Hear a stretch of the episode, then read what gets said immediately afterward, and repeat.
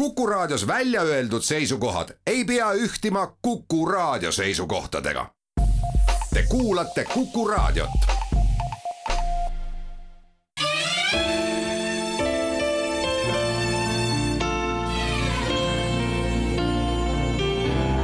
nädala raamat. Jessica Bruder, Nomaadimaa. kirjastuselt Koolibri ilusat uut suvist nädalat, head kuulajad!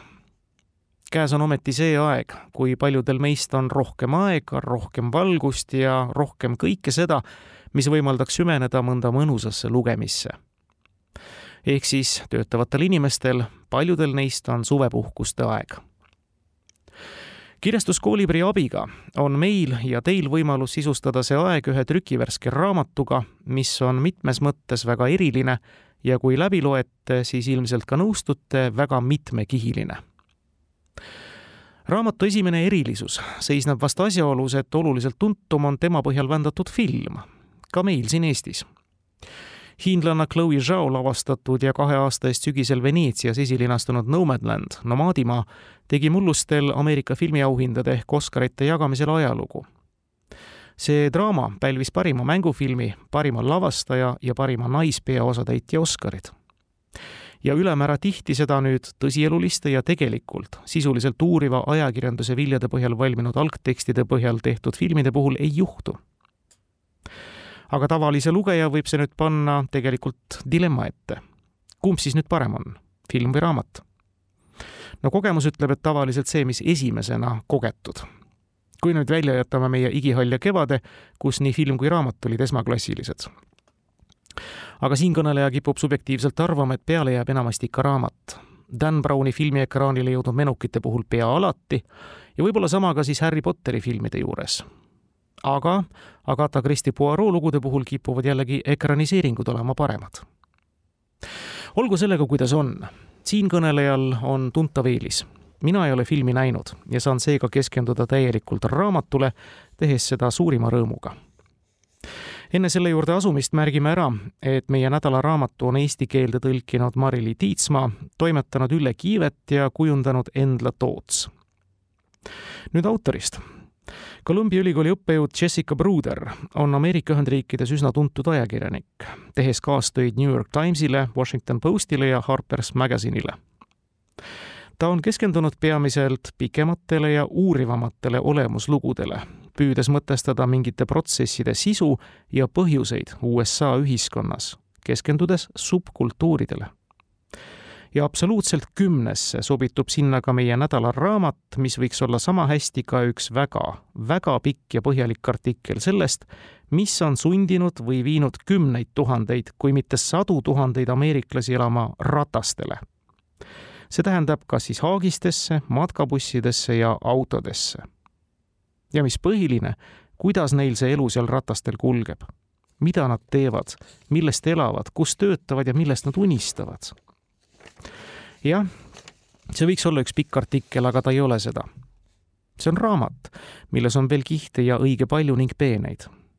näiteks on see raamat USA lääneosa geograafiast. see on raamat rohelisest mõtteviisist see kätkeb endas väga palju praktilisi õpetussõnu väga paljudes valdkondades, alates päikesepaneelide paigaldamisest haagisele, lõpetades osava ja varjatud parkimisega suurlinnades. aga näiteks ka ühe väga omapärase majaehituse kohta saab palju teada.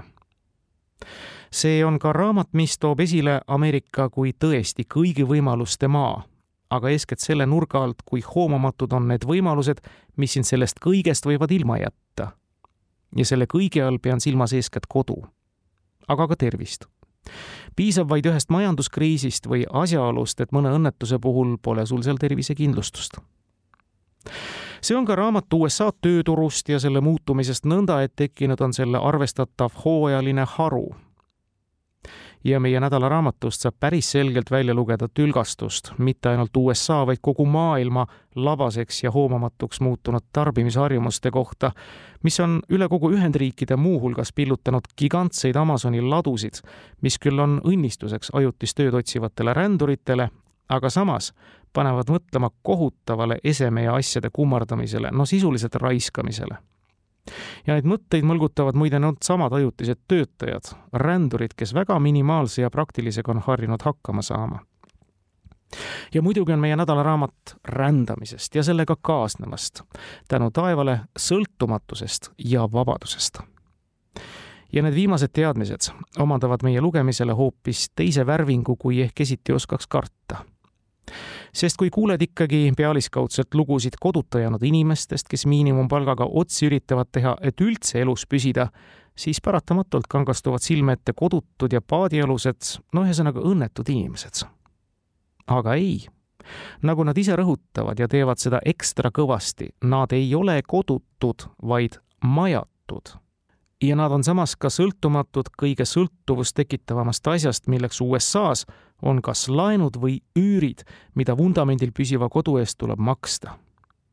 ja kui need finantsahelad on läbi raiutud, saabub ometi see vaba hingamine, millele lisab juurde hoogu ka teadmine, et sa võid nüüd sõita, kuhu sa tahad ja olla näiteks järgmised kolm kuud seal, kus tahad ja teha seda, no kas just päris seda, mida tahad, aga vähemalt on sul valikuvõimalus ja need teadmised lisavad raamatule soojust ja selle tegelastele lootust. lisavad omakorda ka väga palju empaatiavõimet, näiteks introvertidest nomaadidele julguse olla rohkem osa omasuguste seltskonnast, aidata üksteist igasuguses hädas ja jagada igasugust rõõmu.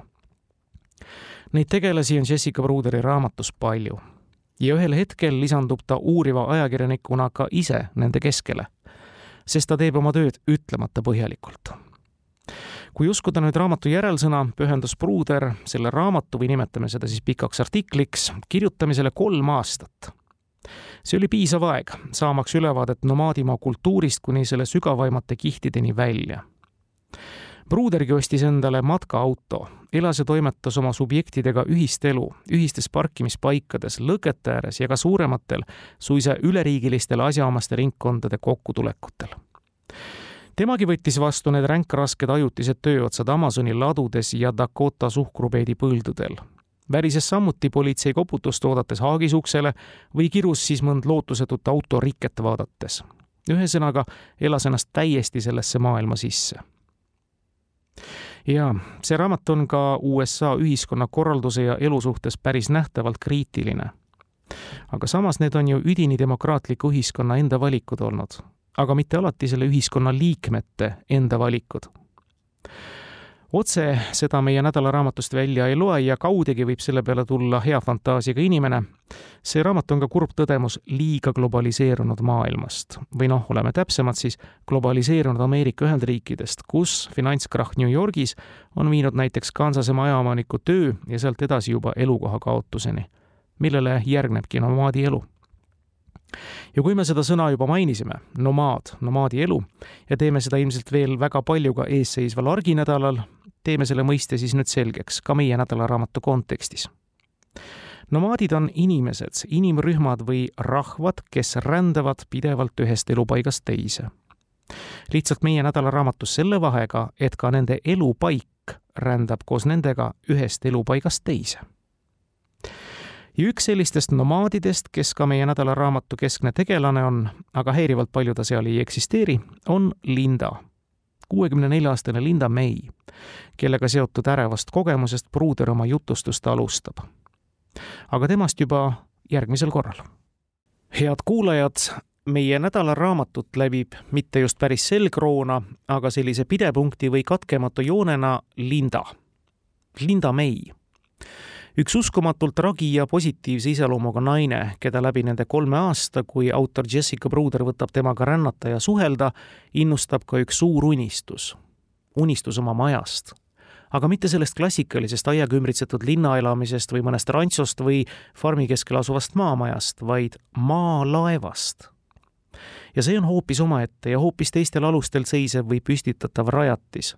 aga sellest kindlasti kõneleme veidi aja pärast keskendudes nüüd Lindale, annab Jessica Bruder läbi tema lugejatele ka koondpildi kõigist teistest, kellest see raamat jutustab. uue aja nomaadidest ja nende nomaadielu põhjustest. saame siis Lindaga ja tema looga tuttavaks. Linda on meie nädalaraamatu alguses kuuekümne nelja aastane vanaema, keda lugeja kohtab USA lääneosas Los Angelese lähedal sõitmas oma pisipesaga sisemaale pisipesa on siis tema haagis elamu. Ta sõidab San Bernardino mäestiku poole, kus teda ootab järjekordne hooajaline tööots. see on metsakaitseala, kämpinguala siis täpsemalt, kuhu ta on palgatud platsivalvuriks ja koristajaks ühes isikus Linda on entusiastlikult meelestatud ja rõõmustab selle üle, et ta saab samale tööle tagasipöördujana iga-aastast palgatõusu, mis tõstab tema tunnitasu üheksale dollarile ja kolmekümne viiele sendile, mis on kakskümmend senti rohkem kui eelmisel aastal ja ehkki tema ning teisedki laagriplatsi valvurid teavad, et nad on palgatud vastavalt vajadusele, mis tähendab seda, et firma võib nad igal hetkel vallandada põhjusega või siis põhjuseta ja ilma eelneva etteteatamiseta, on talle siiski lubatud, et teda ootavad ees neljakümnetunnised töönädalad. no sellest viimasest lubadusest muidugi kinni ei peeta, aga Linda ei kurda, sest on olnud ka ta elus raskemaid aegu. Linda jättis kunagi keskkooli pooleli kuid tegi siiski lõpuks vajalikud eksamid ära, läbis kolledži õpingute esimese astme ning omandas ehitustehnoloogia ameti. ta töötas veoautojuhina, kokteili ettekandjana kasiinos, peatöövõtjana ehituses, põrandakatte materjalide poe omanikuna, kindlustusfirma kliendihaldurina, ehitusinspektorina, Maksuameti klienditeenindajana, ajutraumaga patsientide hooldajana, koeratoitja ja kuutide puhastajana ja lisaks veel kitkus jahimajakeses parte ja vutt kõige selle kõrval kasvatas Linda ka suurelt jaolt üksinda oma kahte tütart. enne Haagisesse kolimist elas Linda erinevate asjaolude tõttu sunnismaisena ühes üürimajas oma tütre ja väimehega ja nende kolme teismelise lapsega. tolles majas polnud igaühel oma tuba, mistõttu üks tema tütrepoegadest magas köögi kõrval asuvas sööginurgas ja tema ise, talle jäi viimane vaba koht, see oli välisukse juures seisev diivan see oli tema isiklik saar, ja nii väga, kui ta ka oma peret jumaldas, tundis ta end ometi olevat lõksus. ma eelistan olla kuninganna oma majas, mitte elada mõne teise kuninganna valitsuse all, isegi kui tegemist on mu oma tütrega, selgitas ta samal ajal tekitasid erinevad tervisehädad juba peres tõsiseid probleeme, nii emotsionaalseid kui rahalisi, mistõttu Linda soovis veelgi vähem teistelt abi vastu võtta või olla millestki sõltuv ja nõnda tärkas temas mõte vähemasti maja kõrvale Haagisesse endale oma elamine korraldada. see võimalus avanes küll taaskord väga palju remondi ja sisustusressurssi nõudes, aga samas ka väga praktilise ning leidliku meelega ei tulnudki Lindal too väljakolimine nii kulukas. ühel hetkel see oli juba siis kuuekümne aastasena, tabas Linda end oma Haagis suvilas, kus ta siis elas toona Arizona osariigis New Riveris seisus kus tal ei olnud ei elektrit ega kraanivett, kuna talle käis nende teenuste eest maksmine juba üle jõu. ta ei suutnud ka tööd leida ja töötutoetus oli ka otsa saanud. Linda vanema tütre pere, kelle juures ta oli aastaid elanud, töötades erinevatel madalapalgalistel töökohtadel niisiis, oli hiljuti kolinud väiksemasse korterisse, sinna ta ei mahtunud enam ammugi ja see oli ka siis ainus kord, kus ta oli nii liimist lahti, et ta kaalus võimalust propaaniballoon oma haagises lahti keerata, suits ette panna ja koos kogu majaga õhku lennata. Linda kaks koera vaatasid perenaisele otsa ja ta lõi kõhklema ning loobus plaanist. oli aeg muutusteks, järjekordseteks. ja nagu öeldud, kõik need töökohad ja tegemised, mida Linda oli läbi elu teinud ja seda kuni nüanssideni võtab Jessica Bruder kirjeldada ja need nüansid aitavad tõesti tolle uskumatu naise iseloomu ja positiivset mõtet taduda positiivset, hoolimata sellest, et mitte ükski nendest elus tehtud töödest ei olnud kõrgepalgaline. ja need kokkuhoiumeetmed, mida Linda kas või lastele süüa tehes või elementaarset joogivett kogudes ette võttis, on ka väärt nüüd omaette eneseabiõpikut tänagi hädas olijatele mitte ainult USA-s, vaid ka meil siin aina tõusvate hindadega elus ja tegemistes. ja mitte ainult Linda praktilised nõuanded, vaid kõigi raamaturändurite omad. aga hea küll Linda looga nüüd edasi minnes, siis nende kolme aasta vältel, kui pruuder nomaadielu jälgib ja kirjeldab, saab ta siis Lindaga aeg-ajalt mõnes tema uues töökohas taas kord kokku, aga on pidevalt temaga kontaktis, uurimaks, kuidas läheb temal ja ka ta perekonnal, kellel tundub küll ainult rööstitumaks minevat. Tervislik olukord on vilets nii tema tütrel, väimehel kui ühel lastelastest, nii et tütre perel tuleb loobuda mitmest töökohast, lõpuks ka elukohast ja ühel hetkel tuleb suisa kolida telki elama ja nõnda siis tekibki uus leibkond, võimalikke nomaade. Linda positiivne joon ei jäta teda siiski maha ja üheks põhjuseks on see suur unistus, millele viitasime. see on siis oma maja ehk oleme siis taas täpsed, maalaevaks kutsutav maja.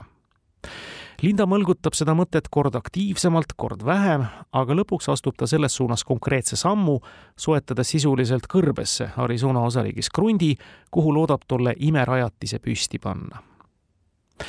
Kuna see meie kultuuriruumis, head kuulajad, või vähemasti laiemale üldsusele on suhteliselt tundmatu arhitektuuriline lahendus, võtan nüüd nõuks ka ta raamatust eraldi välja tuua ja tutvustada, mis asi ta on, see maalaev seda enam, et tegemist võiks olla ka ühe ühise ilusa lõpuga kõigile nendele ränduritele, kes ühel hetkel enam ei jaksa matkaauto või haagisega enam rännata või veel vähem siis tööd teha.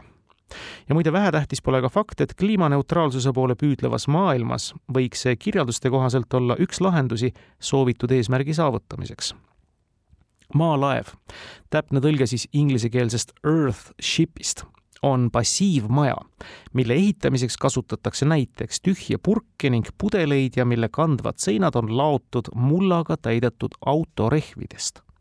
sedasorti passiivmaja idee pärineb radikaalselt New Mexico arhitektilt Michael Reynoldsilt, kes on alates tuhande üheksasaja seitsmekümnendatest aastatest tegelenud küsimusega, kuidas ehitada üldistest kommunikatsioonivõrkudest absoluutselt sõltumatuid elamuid. rehvidest seinad toimivad akudena Need koguvad läbi lõunapoolsete akende päeva jooksul kuumuse endasse ja soojendavad siis öösel siseruume. vihmavesi ja sulanud lumi voolavad katustelt tsisterni, kus seda filtreeritakse, et saaks kasutada nii joogiks kui pesemiseks, samuti kasvuhoonetaimede kastmiseks ning isegi vesi kloseti jaoks. ja elektrit toodavad majja siis loomulikult päikesepaneelid või tuulegeneraatorid ja kogu oma praktilisusest hoolimata on paljud maalaevad ka põneva välimusega erinevad tornid ja tornikesed, sambad ja kaaruksed, erksevärviliste savitellistega kaetud seinad või pudelitest kokku pandud vitraažid. maalaeva ehitamine ei eelda mingit keerulist tehnikat, mistõttu nende püstitamisega saavad hakkama ka amatöörid ja ruumi jääb ka loovusele. New Mexicos Taose lähedal asuvas kõrbes moodustavad sedasorti elamud terve asula, mida tuntakse Greater World Earthship Community nime all ja kuigi see tundub kirjelduste järgi üks väga odav ehitamine, pole see tegelikult sugugi nõnda. maalaeva on küll väga odav üleval pidada, aga üsna kulukas rajada. selle ehitamine läheb maksma umbes sama palju kui tavalise maja ehitus, ehkki siingi on palju võimalusi kokku hoida. ja tänaseks võib maalaevu näha kõikidel kontinentidel peale Antarktika vabatahtlikud abistajad on neid ehitanud pärast selliseid katastroofe nagu kahe tuhande neljanda aasta India ookeani tsunami, kahe tuhande kümnenda aasta Haiti maavärin või kahe tuhande kolmeteistkümnenda aasta Filipiine laastanud taifuun. aga mis nüüd otseselt hädas mittekannatajatele olulisim, need maalaevad võivad aidata inimestel tagada endale eluks vajalikku nõnda, et nad ei sõltuks turumajandusest, nagu ütleb maalaevade peaarhitekt Reinolds ise ja lisab kohe ühe olulise suisa mastaapselt olulise arusaama. see, kuidas inimene toidab oma peret, püsib elus, hoiab endal katust pea kohal, see ei peaks sõltuma üldistest majanduslikest oludest. aga ometi see nõnda enamikes maailma nurkades on. iseäranis Ameerika Ühendriikides, kus ta on toonud maanteedele lõpuks ja ka parkimisplatsidele ja kõrbetesse selle subkultuuri, millest meie nädalaraamat kõneleb. head kuulajad, lugedes ja kõneledes USA kaasaja nomaadidest, peame me muidugi endale selgeks tegema, mis tõstab üldse ühe enamasti keskklassi kuulunud ja enamasti ka vanema inimese ratastele. mis viib ta nõnda ekstreemse sammuni, et ta hülgab oma senise kindlalt paigal seisnud kodu ja valib endale tulevikuks ränduri saatuse ja sellest kõneledes peame silmas pidama, et sellise saatuse valinute hulk ehk kaasaja nomaadide arv on ajas muudkui kasvav meie nädalaraamat vastab sellele küsimusele küllalt ammendavalt ja kümnete näidete varal. nagu öeldud, autor Jessica Bruder on olnud väga põhjalik ja intervjueerinud sadu töörändureid. ja lõppkokkuvõttes võib ka ise lugeja seda muidugi aimata, seda vastust, et lihtsasti öelduna on selleks majanduslik kitsikus ja kui minna nüüd konkreetsemaks, siis kohtab lugeja väga palju erinevaid kihte ja tahke ning saatusi, kus kõigis neis peegeldub vastu ka valus ühiskonnakriitika võtame näiteks Don Wheeleri loo. ta on raamatu kirjutamise aegu kuuekümne üheksa aastane ja viimased kaks aastat enne pensionile jäämist oli ta ühes tarkvarafirmas juhtivtöötaja. tal läks hästi, tööreisid viisid teda Hongkongi, Pariisi, Sydneysse ja Tel Avivi. pärast pensionile jäämist aastal kaks tuhat kaks võis ta lõpuks paikseks jääda. Californias Berkeley's kolmekümnendatel ehitatud Hispaania koloniaalstiilis villas, kus ta elas koos oma abikaasaga. Ja lõpuks oli tal võimalus tegeleda oma hobiga, mis oli teda alati paelunud, kiirete autodega ta ostis endale Mini Cooper S-i, tuunis seda, kuni oli sellest teinud kahesaja kümne hobujõulise mootoriga ralliauto ning treenis siis seni, kuni tõusis US Touring Car Championshipil proffide seas kolmandaks. aga need head ajad ei kestnud kaua. Don lahutas abikaasast, maja jäi selle protsessi käigus prouale ja kahe tuhande kaheksanda aasta majanduslangus jättis ta absoluutselt kõigist säästudest ilma. ta oli sunnitud oma Mini Cooperi maha müüma ajaks, kui autor temaga kirjavahetusse asus, elas Don oma Jack Russelli Terrieriga üheksakümnenda aasta Airstreamis. see on siis üks paljudest matkaautodest, milliseid autor ka raamatus üsna hoolega üles loetleb. Kui oma eelnevas elus kulutas Don sada tuhat dollarit aastas, siis nüüd oli ta õppinud hakkama saama seitsmekümne viie dollariga nädalas ja ootas põnevusega uut hooajalist tööotsa Amazoni laos, kus ta lootis parema teenistuse nimel teha ka palju ületunnitöid ehkki see töö kätkes endas tundide viisi jalgadel seismist, palju kõndimist ja Donil oli vahetatud ka puusaliiges. Viiteid kahe tuhande kaheksanda aasta majanduskriisile, mis paljude ameeriklaste elutöö ja säästud nulli tõmbas, kohtab meie raamatus palju kõbusad noored pensionärid Bob ja Anita Apperleid olid alati arvanud, et nad jäävad pensionile jäädes elama jahile selle unistuse tagatiseks oli nende kolme magamistoaga maja Oregoni osariigis Beavertonis. Nad olid ostnud maja kinnisvaraturu õitsengu tippajal kolmesaja neljakümne tuhande dollari eest ja investeerinud sellesse veel kakskümmend tuhat. Aga siis varises kinnisvaraturg kokku ja nende kodu väärtus langes kahesaja kuuekümnele tuhandele dollarile enne krahhi olid nad kenasti hakkama saanud, Bob töötas ühes puidufirmas raamatupidajana, Anita oli sisekujundaja ja poole kohaga hooldaja kumbki neist ei suutnud taluda mõtet, et nad peavad elu lõpuni maksma laenu, mis on suurem kui nende maja väärtus. ja siis nad ostsidki mugava kahe tuhande kolmanda aasta tumepunases Haagis suvila ja asusid teele. me lihtsalt kõndisime minema, ütles Anita. Me ütlesime endale, me ei ole nõus enam seda mängu kaasa mängima. see on nagu kinnisvarakriisi põgenike kokkutulek, oli Bob öelnud oma abikaasale, kui nad saabusid Fernlisse, et ühineda Camper Force'iga see viimane on siis Amazoni hiiglasliku värbamiskampaania tulemina kokku tulnud ajutiste töötajate laager mõne suure lao lähedal ja sellestki jõuame oma tutvustuses rääkida. Nende inimeste seas, keda autor kohtas, oli neid, kes olid kaotanud oma säästud ebaõnnestunud investeeringute tõttu või kelle pensionifondid oli minema pühkinud kahe tuhande kaheksanda aasta majanduslangus mõned ei olnud suutnud koguda küllaldaselt sääste, et saada hakkama õnnetustega, mis muul juhul oleks igati olnud üleelatavad, nagu lahutus, haigused ja vigastused. mõned olid kaotanud töö või olnud ise väikeettevõtjad, kelle ärid ei elanud majanduslangust üle. Ja ehkki alla viiekümne aastased olid vähemuses, kohtas autor ka neid Nad kirjeldasid töökohti, mille olid kaotanud või polnud iial leidnudki ja samuti probleeme, mida tekitasid õppelaenud koos kõrgkoolidiplomiga, mis osutus päriselus üsna kasutuks. paljud lootsid, et elu ratastel päästab neid tulevikust, mis paistis täiesti tühjana. Need õppelaenud on Ameerika Ühendriikides teadupoolest üks väga karm teema ja üldiselt on nõnda, et kõrgkooli lõpetanu, kui ta vähegi on normaalsema sissetulekuga töö peal, maksab seda õppelaenu tagasi sisuliselt pensionieani sest tal on ka muid kohustusi, nagu näiteks elukoha üür, mis on ka omaette teema, mille tõttu paljud raamatukangelased on ratastele jõudnud, et sellest taagast vabaneda. Mõtlemapanev on see, mida Jessica Bruder ilmselgelt šokeerituna tõdeb Kansases ühe Amazoni lao Haagis parklas kõike seda talletades. tsiteerin sedamööda, kuidas ka teised töötajad oma lugusid jutustasid, hakkas Amazoni linnak aina enam meenutama rahvuslikku katastroofi tallermaad Haagise pargid olid täis inimesi, kelle elustandard oli langenud kaugele, kaugele allapoole keskklassi mugavusi, mida nad alati olid enesestmõistetavaks pidanud. Nad olid justkui õpikunäited kõigist majanduslikest probleemidest, mis on ameeriklasi viimaste aastakümnete jooksul kimbutanud. ja veidi edasi. paljud töötajad, keda Amazoni linnakutes kohtasin, olid rahvastiku see osa, mis oli viimasel ajal hirmutava kiirusega kasvanud. üha halveneva elujärjega eakad ameeriklased Empire'i taoliste paikade hiilgeajal, stabiilse töö ja korraliku pensioniga keskklassi ajastul poleks keegi osanud midagi taolist isegi ette kujutada. Majanduspoliitika instituudi majandusteadlane Monique Morrissey selgitas, millise seniolematu muutusega on tegu. see on esimene kord kaasaegse USA ajaloos, mil pensionäride kindlustunne väheneb, rääkis ta. alustades nooremate buumeritega, on iga järgneva põlvkonna väljavaated üha kehvemad. Nad ei saa jääda pensionile, ilma et nende elatustase kannataks. see tähendab, et eakatel pole kunagi lootust puhata kahe tuhande kuueteistkümnendal aastal töötas endiselt peaaegu üheksa miljonit kuuekümne viie aastast ja vanemat inimest, mida on kuuskümmend protsenti rohkem kui eelmisel kümnendil. majandusteadlased ennustavad, et need numbrid on tõusuteel koos pensioniealiste töötajate protsendiga. hiljutine küsitlus näitas USA-s, et praeguseks kardavad ameeriklased vanaduses vaesusse jäämist rohkem kui surma teine uurimus näitab, et ehkki enamik vanemaid ameeriklasi peab endiselt pensioniiga ajaks, mil inimene saaks puhkust nautida, eeldab vaid seitseteist protsenti vastanutest, et nad ei pea pensioniealisena üldse töötama.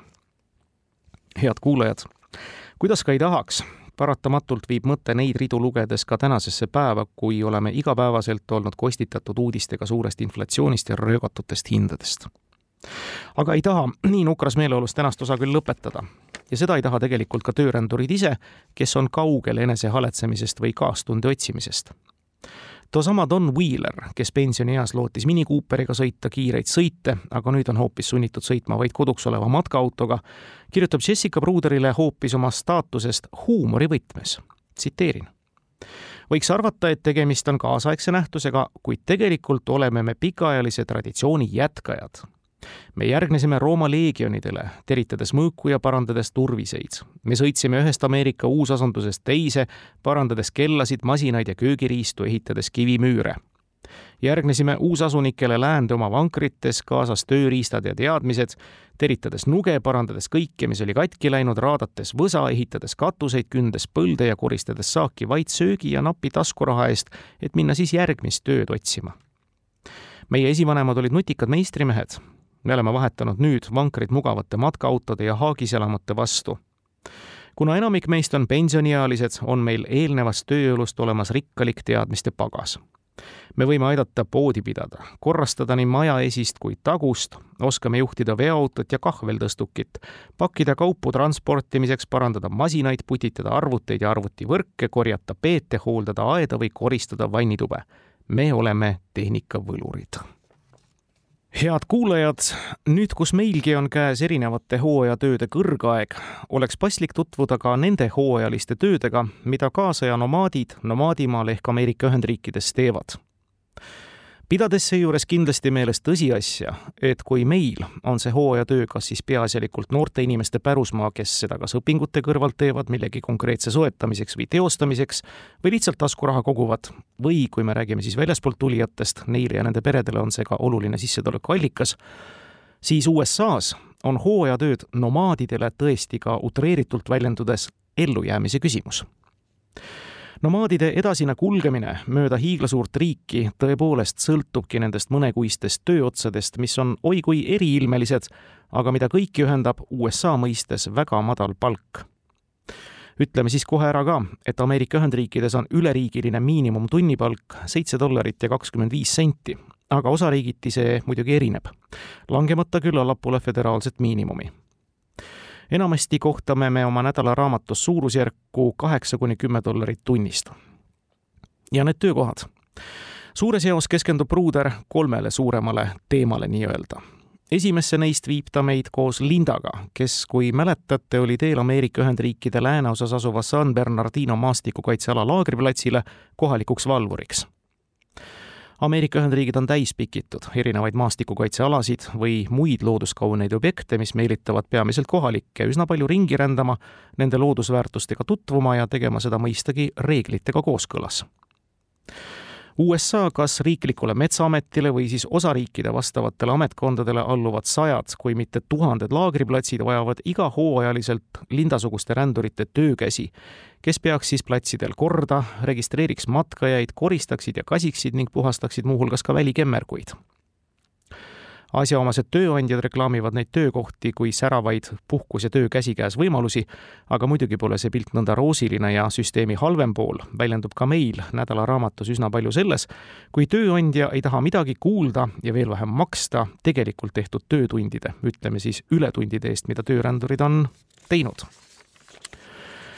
Eraldi ja väga suurelt väärib märkimist tööandjana Amazon hiiglaslik e-kaubandusettevõte, mille iga-aastane käive tulenevalt arenenud maailma jaburalt suurenenud tarbimisest muudkui suureneb ja suureneb ja on tänaseks loonud üle kogu USA sada kümme hiiglaslikku ladu, kuhu on koondunud kõik need vidinad ja kudinad ja ka suurem kraam, mis kõik suuresti tänu tööränduritele seal komplekteerub ja leiab tee kasutajate juurde üle kogu maailma Amazon palkas töörändurid programmi raames, millele on antud nimeks Camper Force.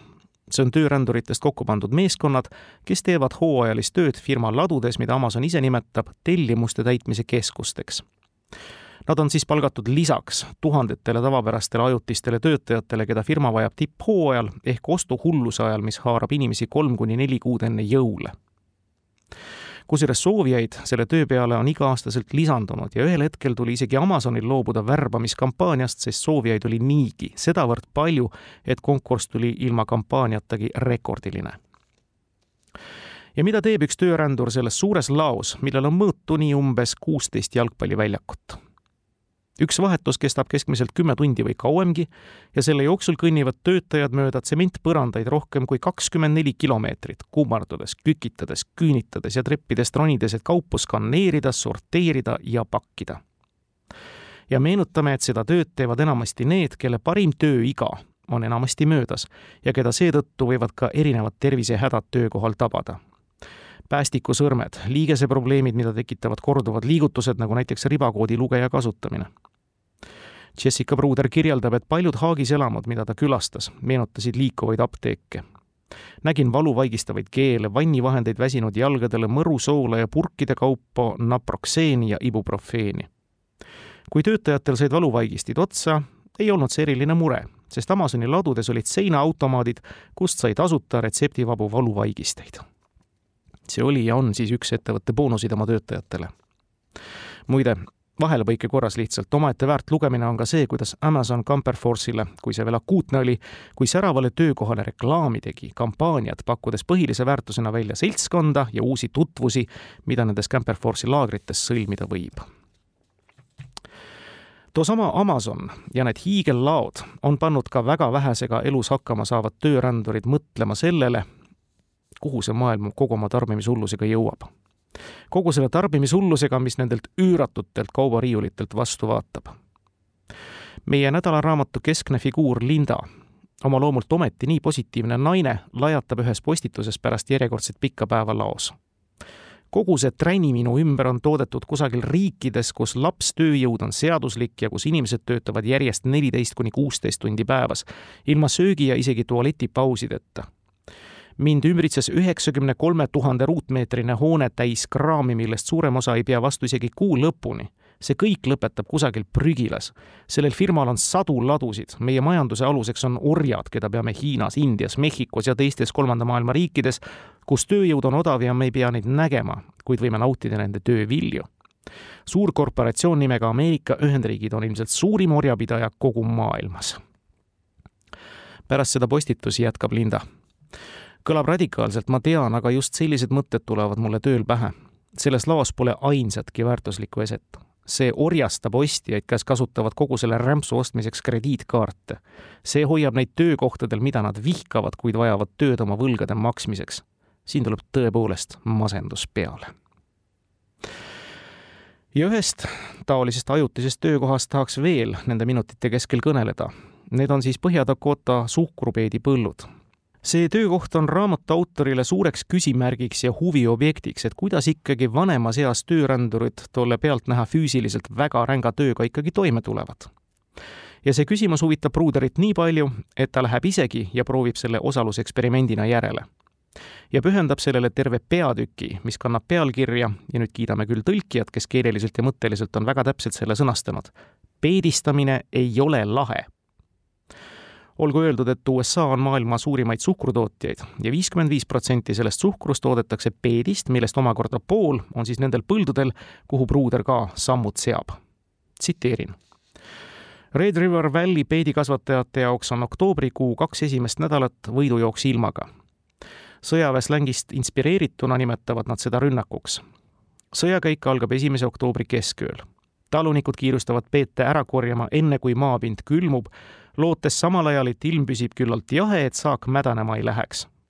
kaubaautod, igaühe kastis mitu tonni peete, vuravad kakskümmend neli tundi ööpäevas põldude ja hoiuruumide vahet. kastid on kuhjaga täis. miilide kaupa võib teeservadel näha vedelemas maha pudenenud peete kurnatud juhid süütavad ühe suitsu teisest otsast, et kuidagimoodi ärkvel püsida. tekivad liiklusummikud, juhtub õnnetusi. ja veidi edasi töötasime hiiglaslikus külmutusseadmetega varustatud katusealuses, mis meenutas avatud lennuki angaari. betoonpõrandal kõrgus röögatu peedikuhil.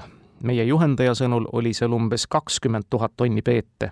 mudaste peetide hais segunes diislikütuse aurude ja tolmuga meie tööks oli pidev koristamine, pidime hangude ja kulbitaoliste labidate abil maha kukkunud peedid tagasi õigesse kohta tõstma mõned peedid olid tubli külmutatud kalkuni suurused. niisama seismine polnud lubatud. jõuad puhkida, jõuad ka pühkida, oli meie järelvaataja lemmiklause. kui sama liigutuse kordamine muutus juba liiga kurnavaks, viskasime tööriistad nurka ja hakkasime väiksemaid kogusi käsitsi laadima kui me ennast küllalt kiiresti ei liigutanud, pani meie ülevaataja, kes kandis tööl roosasid kauboisaapaid ja täismeiki, oma kontrolltornist kisama mingi seadme, mis meenutas Teise maailmasõja aegse allveelaeva ohusireeni, just nagu peaksime torpeedosid valmis seadma ning tegi läbi akna meie suunas kiireid kühveldamisliigutusi.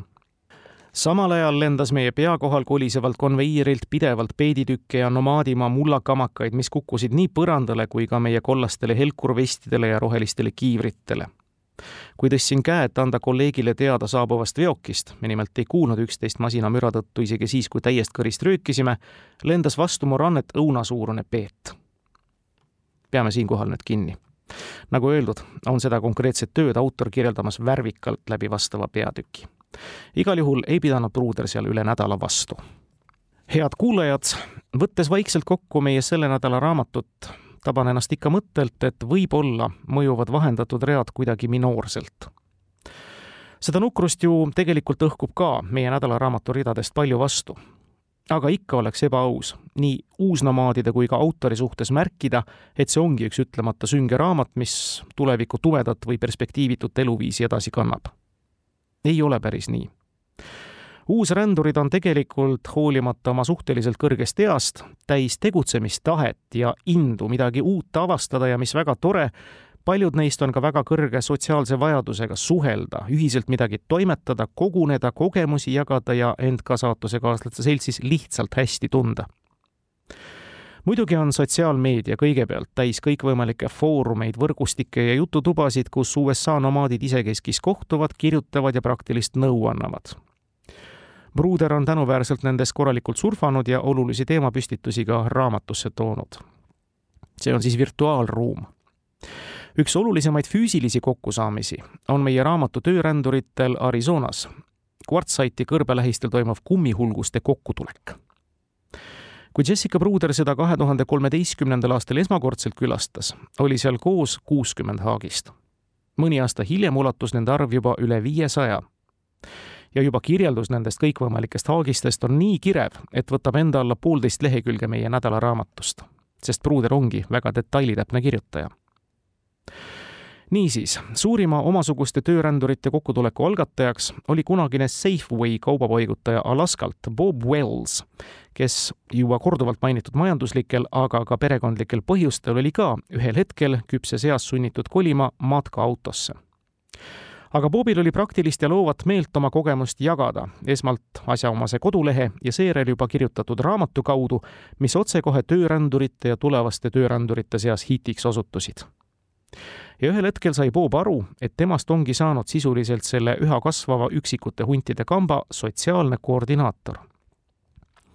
Pärast iga-aastaseks muutuvaid kogunemisi hakkasid mõned osalejad juba järgnema Bobile tema järgmisesse peatuspaika muide, terve selle Bob Wellsi elulugu ühes tema kasvava rolliga selles Quorumis on üks väärt lugemine sellest, kuidas võimekas organisaator ja osav kirjanik jutumees endale võib jüngreid tahtmatult külge haakida aga tuleme selle kummihulguste kokkutuleku juurde nüüd tagasi.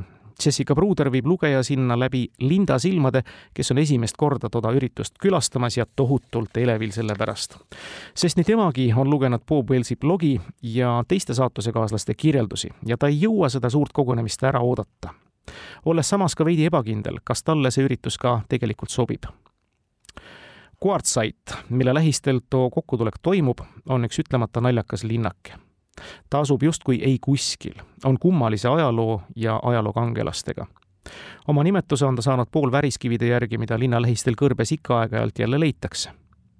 ja mis tõepoolest kord aastas kummihulguste kokkutuleku aegu lööb õitsele, avades kõikvõimalike äride uksi ja pakkudes mida iganes seal peatuvatele inimestele see oli neljas kord, kui Bob korraldas talvist kummihulguste kokkutulekut polnud lihtne olla guru. ta oli mitu kuud plaane teinud ja kogunemise kohta infot laiali jaganud. ja ürituse alates muutus tema töö veelgi käegakatsutavamaks. ta püstitas tee äärde teeviida, kasutades selleks maasse löödud vaiasid, mis olid küllalt tugevad, et kõrbetuuled neid ümber ei lükkaks. ta tegi koopiaid ürituste ajakavast, mis hõlmas nii meelelahutust kui seminare, mida ta plaanis anda ta pani püsti indiaani stiilis püstkoja, kus oli suur ämber, prügikotid, tavaline ja niiske tualettpaber, lahke žest uustulnukatele ta kuhjas lõkkeplatsi ümber puid varuks ning laotas maha sinise presendi, pannes sellele nurkadele raskusteks kivid. see oli siis koht, kuhu inimesed said panna asju, mida nad ei vaja, et need võiks võtta endale tasuta keegi, kellel neid on tarvis. ja Bob ise ei teeninud kokkutulekute korraldamise pealt mitte midagi tema külalislahkus tõmbas vaid ligi inimesi, kes soovisid siiralt jagada oma oskusi, ressursse ja kogemusi. paberitega kosmeetik näiteks lõikas inimeste juukseid, Chevy Astra kaubiku kõrval, kus ta elas koos abikaasa ja kahe koeraga. üks osalejatest pani püsti ajutise baari, uhke neoonsildi, plastflamingode ja valgustatud palmipuuga ja korraldas seal pidusid. Swanky näiteks demonstreeris oma päikese jõul töötavat ahju, mis oli põhimõtteliselt tilluke solaarium toidu valmistamiseks, küpsetades kõigile soovijatele brownisid, pähkli, banaanikeeksi ja mustikамuffineid mehaanikud õpetasid, kuidas teha lihtsamaid parandustöid. puusepad meisterdasid voodiraame ja riiuleid, mis sobiksid tühjaks tehtud kaubikutesse. suurte päikesepaneelide omanikud jagasid ülejäävat elektrit, jättes pikendusjuhtmed välja, et möödujad saaksid oma nutiseadmeid laadida. üks kurt naine õpetas soovijatele Ameerika viipekeelt. keegi demonstreeris, kuidas parandada autokumme. päikesetõusu ajal tulid üks osalejatest enne teisi välja, tegi lõkke üles ja pakkus pätikohvi kõigile, kes tassiga tema juurde tulid korraldati ka ühiseid söömaaegu, küpsekartulite õhtu, kuhu igaüks pidi tooma meelepäraseid lisandeid, samuti õhtusöögid, kus pakuti hiiglaslikus potis valmistatud pajarooga või suppi, mille jaoks tõi igaüks mõne koostisosa. see oli meenutus kolmekümnendate aastate suure majanduskriisi hulguste seas tekkinud kombest. Ja igal õhtul pärast päikeseloojangut süütas keegi suure lõkke, ehkki sageli jäi lõkkeaseme ümbrus tühjaks juba kella üheksa või kümne paiku, mil inimeste silmad hakkasid kinni vajuma ja õhtune jahedus sundis varju otsima kõigist osalejatest õhkus uhkuse tunnet. Need on need soojad ja ütlemata toredad momendid meie nädala raamatust, milliseid tasub veel otsida. näiteks raamatu lõpupoole, kui toosama Linda, meie raamatu keskne tegelane, asub teoks tegema oma suurt unistust paiksest elamisest maalaevast ta soetab endale lõpuks, pange tähele, järelmaksuga soodsa krundi ikka Arizonasse ja kuna esimesel aastal ta ei saa füüsiliselt seda ise vaatama minna, tuleb raamatu autor talle vastu ja läheb ise, vaatab tolle koha üle, näidates seda samal ajal voogedastuses läbi arvutiga riigi teises otsas olevale lindale. see on midagi väga südamlikku, lugeda läbi arvutiekraani oma maatükki nägeva linda emotsioone ja lugeda tema unistusi. head kuulajad, meie nädalaraamatu aeg hakkab kahjuks otsa saama muidugi jäi väga palju, enamasti küll mitte väga helget, siin välja toomata. näiteks Gypsumi nimelise kunagise jõuka, aga siiski monoasula kurba lugu, või siis ka päris raamatu lõpust töörändurite need lood, mis puudutavad nende maise elu lõpuaastaid ja hakkamasaamist. aga jäägu need siis taaskord tulevase lugeja avastada ja eeskätt kaasa mõelda elust kõigi võimaluste maal USA-s autor Jessica Bruder tunnistab, et väga raske oli tal pärast kolme aastast sellist süüvimist teemasse sealt välja tulla, aga ta siiski püüab, et mitte kukkuda oma professiooni lõksu. igal juhul on see avanud ta meeled nii linna kui ka maapildis nüüd juba ringi rännates. ja ma usun, et see raamat avab kas just kõik meeled, küll aga teadmised veel ühe subkultuuri kohta, keda ilmas kohata võib ja kes aina laieneb. ilusat suve jätku!